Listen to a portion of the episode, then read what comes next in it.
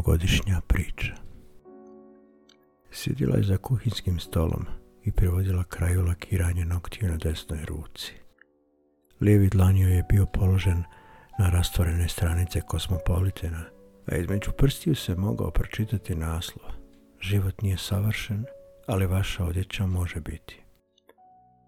Nanosila je tanki sloj crvene boje na nokat do malog prsta kada je zazvonio telefon. Četkica nije dohvatila kožu, a na površini se jasno mogao vidjeti odraz prozora. Lagano je zatvorila bočicu, istovremeno pogledavši prema dnevnom boravku. Alan je sjedio okrenut leđima. Ispred njega skoro dovršena maketa broda kojem je ona zaboravila ime. No samo da je to jedan od davno potonulih na kojima je putovao neko čije ime također zaboravila. Svjetlo sa stolne lampe pomagalo mu je da bolje vidi sićušne topove, katarke i ogradu broda koji upravo, pridržavajući pincetom, učvršćivao lijepkom iz tube.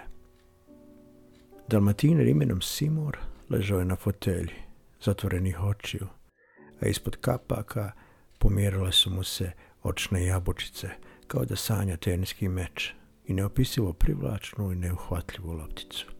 Stan je dakle mirisao na lak za nokte i na lijepak. A kroz prozore se vidio decembarski dan i slaba svjetlost. Oblaci su podsjećali na ispranu bijelu košulju koja je greškom u mašinu zalutala sa komadom obojene odjeće. Telefon je utihnuo. Ona je sasula par kapi acetona na vatu i obrisala trag laka sa površine stola. Primakla pepeljaru izvadila cigaretu onim pokretom što poziča na bebe i trenutak kasnije udahnula punim plućima. Alenu ispalo brodsko sidro, pa se spustio na koljena. Tražio ga par trenutaka, a potom, ne pogledavši u njenom pravcu, vratio se za sto i nastavio sa brodogradnjom. Ona je upravo počela čitati novinski tekst kada je telefon ponovo zasvonio. Ištala je nekoliko redaka, a onda rukom koju je trenu pretvorila u čeličnu kuku iz aparata napunjenog plišanim igračkama, vješto podigla slušalicu i primakla je uhu, pazeći da noktima ne dodirne kosu ili uho. Da, mama, rekla je i naredni minut čutala slušajući monolog sa druge strane. Povlačila bi dim, odmičući slušalicu od usta, da majka ne primijeti da puši, što bi značilo da je ne sluša pažljivo. Da, mama, znam, Jeste, tu je. Radi nešto. Dobro je, hoću. Mama, molim te. Znam, znam, dobro. Hoću, mama. Sve je dobro, jeste. Ostavila si ga ovdje. Da, pored lampe. On je odmah rekao da je to tvoj šal. Znam, znam da je poklon tate. Naravno, sjećam se. Nisam to rekla, mama, znam, hoću uzima redovno. Vada doktor zna bolje. Dobro, mama. Ne mogu više o tome. Fino sam rekla. Jesam, mama. Dobro. Izvini. Hoću. Ko? Gdje si ga vidjela? Ne, nisam znala. Pozdraviti njega. Hoću. Ljubim te. Važi. Vidimo se. U srijedu. Ljubim. Alenova ramena miruju očito izvodi neki krajnje precizan pokret, postavlja dio broda od kojeg zavisi sigurnost mornara, predviđa buduće oluje, zamišlja ogromne valove i udara o brodski pramac vrhovima prstiju sa koji se gule komadi lijepka, kao sunčana koža u ljetnim danima. Postavlja sičušne pojaseve za spasavanje na kojima je gotovo nemoguće iščitati natpis SOS. Ona je za to vrijeme prešla još jedan pasus iz časopisa – otišla do kupatila, skinula odjeću i po bucinama i stomaku utrjala debeli sloj kreme. Ugledalo je osmotrila svoje grudi, nekoliko puta stisnula mišiće i učinila da joj sise poskoče kao mrtve pokusne žabe, kroz čija tijela je puštena struja. Kad izašla iz kupatila, u novoj odjeći, sa uredno vezanom kosom i namirisana, ali ni rukom prelazio se po Simorovim leđima i tiho, krajnje nerazumljivo, obraćao se usnulom psu. Treba li ti nešto iz prodavnice, upitala ga je. Ne, hvala. Na izlaznim vratima se još sjetilo da mu dovikne da danas njegov red ode poenki u vrtić. Nije sačekala odgovorni potvrdu. Sedam minuta kasnije ona je u haustoru. Iz novčanika vadi ključić kojim otvara poštanski sandučić i pronalazi račune za struju, vodu, reklamni letak na kojem nude jeftin let i ludu novogodišnju noć u nekom egipatskom hotelu čije ime ne zna pročitati. Čije kako neko silazi ni stepenište, požuri ka izlaznim vratima, ali muški glas preduhitri i natjera da zastane. Komšija Dizdar sa trećeg sprata, karikaturista u penziji, uvijek je više ličio na otmičara aviona, čija su lica pokazivali u televizijskim vijestima – hodajući fotorobot čiji je original bijegu negdje daleko, dobro sakriven sa lažnim identitetom. Samo sam htio da vas pitam kako je Alen. Čuo sam da je, reče tihim glasom kakav je priliči ljudima koji se kriju. Dobro je prekinuo na njegovo isljeđivanje. Pozdravite ga. Hoću. Sačekala je da komšija napravi prvi korak pa se uputila u suprotnom pravcu. Odgovaralo joj je da napravi krug po kvartu, zrak je bio hladan i čista, njoj se nije žurilo. Deni, mladić koji je radio u frizerskom salonu, tu na čošku njihove zgrade, kucnuo je prstom o lažnim pahuljicama ukrašeni izlog i pozdravio je mahanjem ruke imitirajući plesni pokret. Gospođa na stolici sa kosom na kojoj je bila crvena farba pogledala ju je krajičkom oka. Ona je namignula Deniju i nastavila u pravcu apoteke. Unutra je bilo tiho, gumeni džonovi se sa njenih cipela pravili su zanimljiv zvuk, te prostoriju pretvarali u mali vjerski objekat koji miriše na kantarion, mentu i sredstvo za dezinfekciju. Izvadila iz džepa recepte i pružila ih kroz otvor na staklenom zidu koji je skodno apotekarku odvaje od zaraženog svijeta. Par trenutaka je gledala u papir, a onda odmirila mušteriju. Ovo je za vas, ne, za muža odgovorila je, sklanjajući dio kose koji je dotaknuo usne. Pazila je da prstima ne dira lice.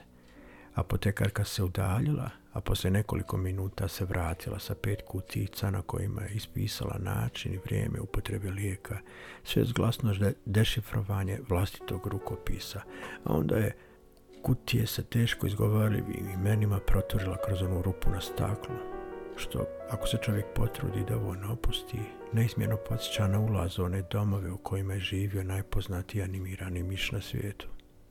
Odlučila je, kako bi izbjegla prazničnu gužvu, da ne ide u tržni centar, već da kupovinu obavi u obližnjem granapu, tu sa druge strane ulice. Gazda je Alenov prijatelj, još iz vremena opsade Sarajeva, ali nikad nije zanimalo da o njihovom odnosu sazna nešto više. Taj čovjek, sa brkovima i isturenim zubima gornje vilice, kojeg je znala po nadimku kofa, nervirao je svojim vječno dobrim raspoloženjem. U radnji je bila još samo jedna mušterija, neka starija gospođa, koja u ruci držala ukrasnu kuglu, podigla iznad glave prema svjetlu sa neonske reklame, prodrmala i uz gotovo dječju radost gledala uskovitlani lažni snijeg što pada po Eiffelovom tornu. Kofa namiguje sa obaka, bez jedne izgovorene riječi daje dijagnozu Isuviše radosnoj gospođi, te pušta da nastavi sa igrom, a on prilazi novo pridošlici. Kakav je? Pita dok mu se osmijeh na licu smiruje poput snijega u kugli. Bolje, kaže ona. A Enki? Bože, kako je to pametno dijete. Gospođa ponovo protrese kuglu.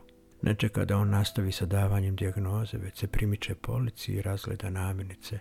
U korpu stavlja nekoliko banana, tri limuna, bijeli luk, dvije čokolade, staklenku sa maslinama, pileće filete, šest komada jaja, majonez, kesu smeđeg šećera, šteku cigareta sa ukusom mentola i dvije zaličene ribe.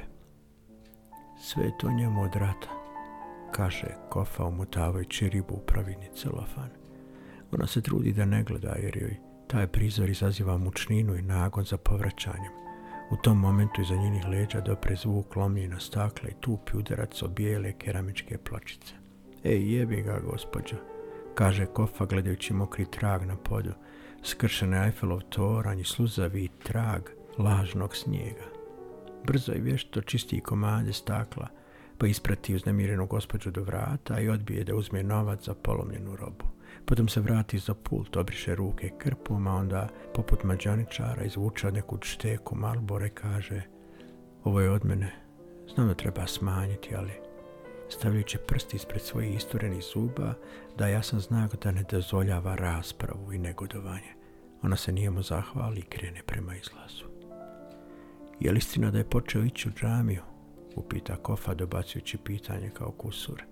Nije imala vremena ni da se okrene, a on je već sam sebi dao i odgovor. Sve je to njemu na nernoj bazi, i ta religija i to, sve. Ispred kladionice, nedaleko od haustora, stoji grupa mladića. Sumrak je već nastupio, pa cigarete u njihovim rukama svijetle kao svici. Pokreti ostavljaju tragu zraku, slika je podsjeti na neki prizor iz mladosti. Nije imala vremena da u potpunosti prizove sjećanje, jer u jedan od mladića dobaci rečenicu što je mogla biti svačena i kao uvreda, ali kao kompliment. Ona je odlučila da se pravi da ništa nije čula. Nije promijenila ritam svojih koraka, nije se osvrnula, ali osjeti jak miris one kreme koja je namazala grud i vrat.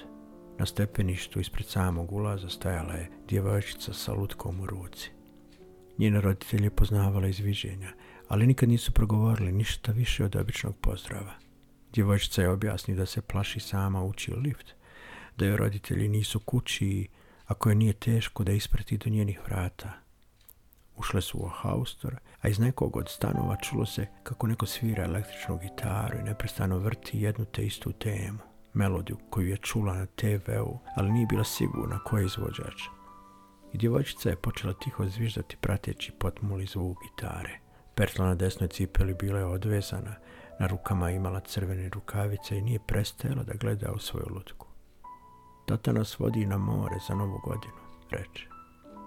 Lift je stao na devetom spratu. Djevojčica otvori vrata i umjesto pozdrava baci. Tamo je snijeg, slan. Vratila se na preti sprat i otvorila vrata na kojima nije bilo pločice sa prezimenom. Hodnik je još uvijek mirisao na sredstvo za skidanje laka. Dok je izuvala cipele, Simor je prišao, onjušio cekire i sporim korakom vratio se na fotelju.